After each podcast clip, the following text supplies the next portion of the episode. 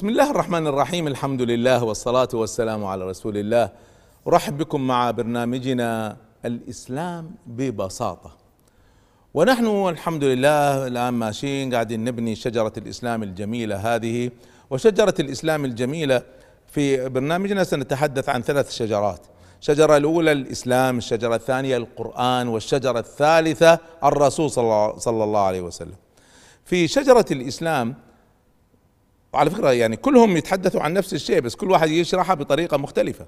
فالآن في شجرة الإسلام تحتها ثلاث جوانب.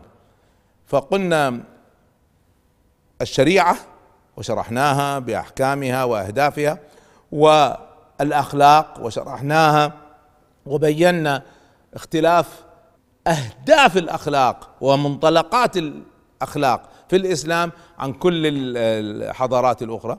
واليوم حديثنا عن الإيمان. وعلى فكرة أحد أذكركم بالترتيب أن الأخلاق هي وسط فوق الشريعة لكنها تحت الإيمان. وهذا مهم جدا بحيث إذا أي شيء تحت يتعارض مع اللي فوقه نقدم الأعلى فأعلاها هو الإيمان. الآن نأتي للإيمان. ما هو ما هي أهداف الإيمان؟ يعني اليوم كثير من الناس على فكرة لما يشرح الإسلام ما هو الإسلام؟ يقول والله الإسلام الإيمان بالله والملائكة والكتب والرسل واليوم الآخر والقضاء والقدر والاسلام الشهادتين والصلاة والصيام والزكاة والحج طيب تمام ما هو الهدف؟ ما هي الأهداف؟ من وراء هذا ومن وراء هذا فإحنا قاعدين نحاول نشرح هذا طيب في الإسلام واحدة منها الشهادتين طيب ما هي هدف هذه المسألة؟ ولماذا كل هذا الإصرار في الإسلام على هذا؟ ماذا يريد الإسلام من هذا؟ وهل الإسلام جاء فقط لخدمة المسلمين؟ يعني هل الأهداف جاءت فقط من أجل المسلمين؟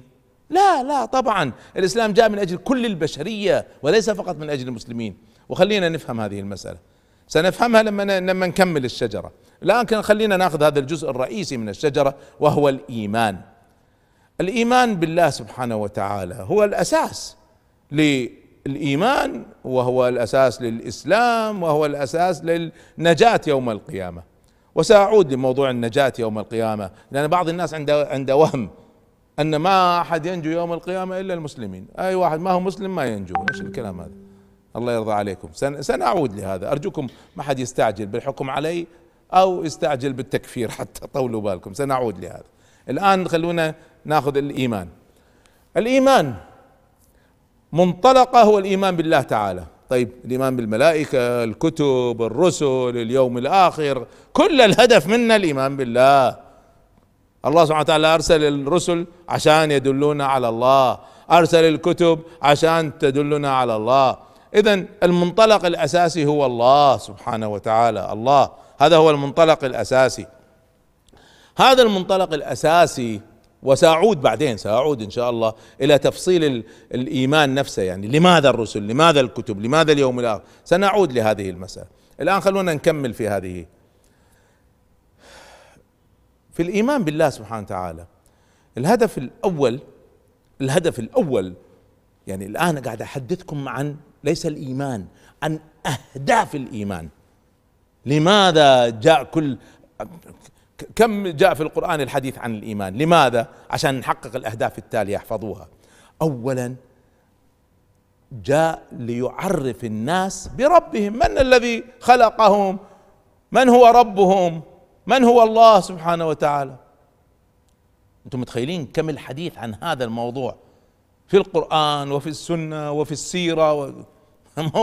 كل العفو حتى الشريعة هدفها إرضاء الله. حتى. حتى الأخلاق هدفها الله سبحانه وتعالى. فنرجع اذا الهدف الأول أن يعرف الناس خالقهم. يعرف الناس ربهم.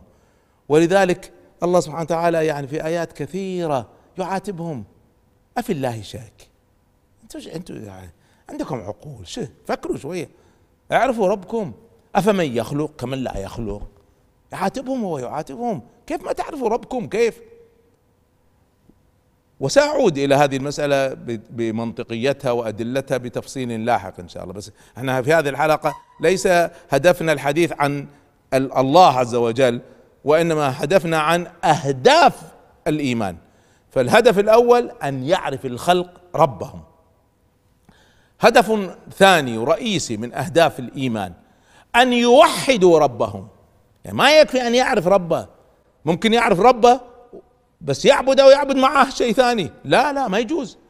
إذا عرفته كيف تشرك به أحد آخر. وذلك كفار قريش على فكرة كانوا يؤمنون بالله.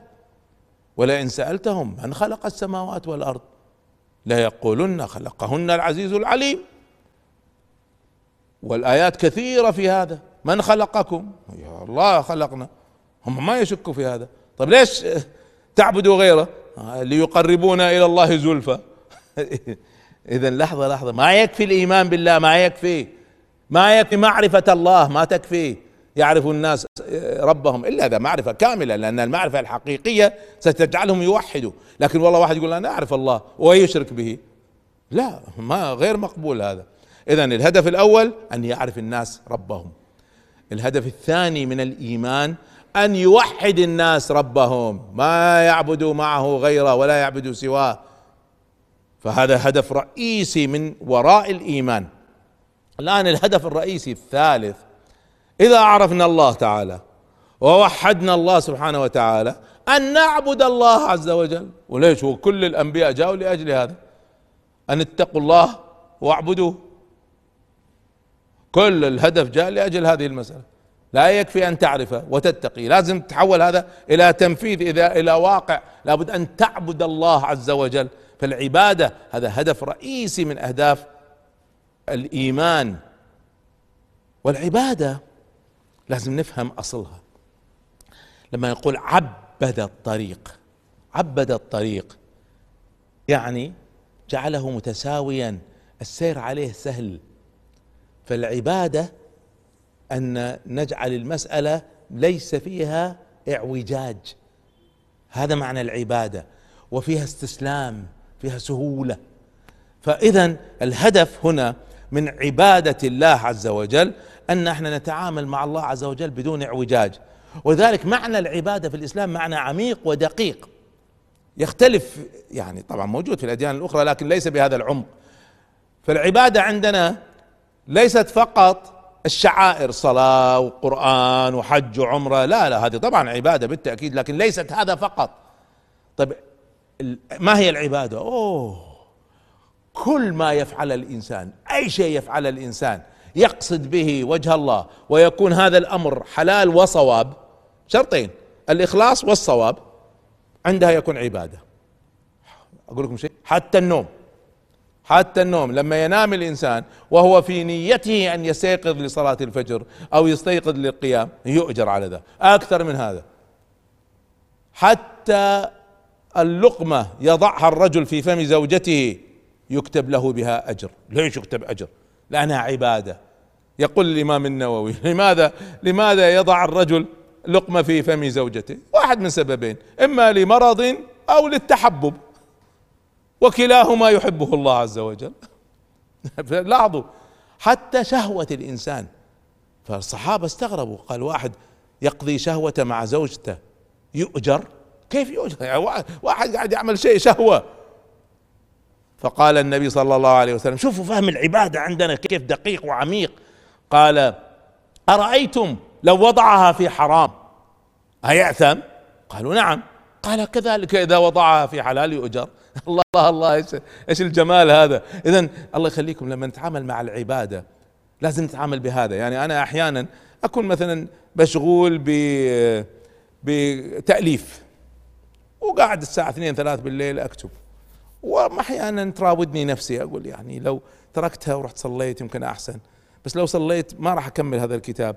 طيب صلاة فردية ولا كتاب ينتفع به الناس؟ فهذه أنا بالنسبة لي هذه أيضا عبادة ويمكن عبادة يؤجر فيها الإنسان أكثر. ولذلك شوفوا هذا العمق في هذه المسألة. سيدنا عمر بن الخطاب رضي الله عنه مر على شاب جالس في المسجد ما يخرج انتبه إليه. فسأل قال ما شأنه؟ هذا ليش ما يخرج من المسجد؟ قالوا تنسك يا أمير المؤمنين. خلاص تفرغ للعبادة. قال من ينفق عليه؟ قال وأخوه قال أخوه خير منه. الله. هذا اللي رايح يشتغل ويكسب وفي السوق. اجرى أكثر من اللي هذا اللي جالس قاعد يتعبد. هكذا نفهم العبادة نحن. اذا لما نقول هدف من أهداف الإيمان العبادة العبادة هي أن نحول حياتنا كلها لله. بل مماتنا كلها لله. قل ان صلاتي ونسكي ومحياي ومماتي لله رب العالمين. هذا معنى العبادة. فهذا معنى أصيل وعميق وجميل. اذا الهدف الأول قلنا المعرفة معرفة الله عز وجل. الهدف الثاني التوحيد. الهدف الثالث العبادة. الهدف الرابع التقرب إلى الله والتفنن في إرضائه.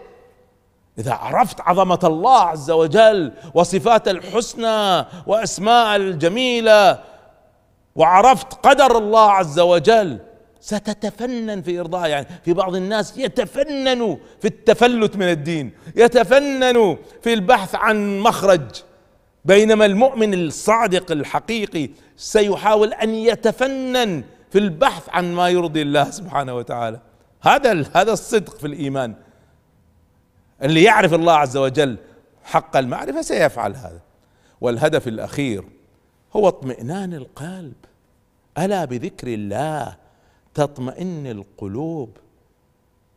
إن في القلب لوحشة لا يملأها إلا الأنس بالله. ومن أعرض عن ذكري فإن له معيشة ضنكا. يعيش حياة عيسى حياة مؤلمة. فالهدف من الإيمان أن الإنسان يعيش وفق هذه الأهداف ويعيش بقلب مطمئن مرتاح ينتج عنه التوكل والرضا والمعاني الإيمانية الجميلة كلها تنتج عن المعرفة الصادقة بالله وصدق عبادة الله والتفنن في إرضائه. الآن هذا الكلام كله ما هو الهدف من وراءه؟ هدف الأهداف هو حديثنا في اللقاء القادم إن شاء الله. Música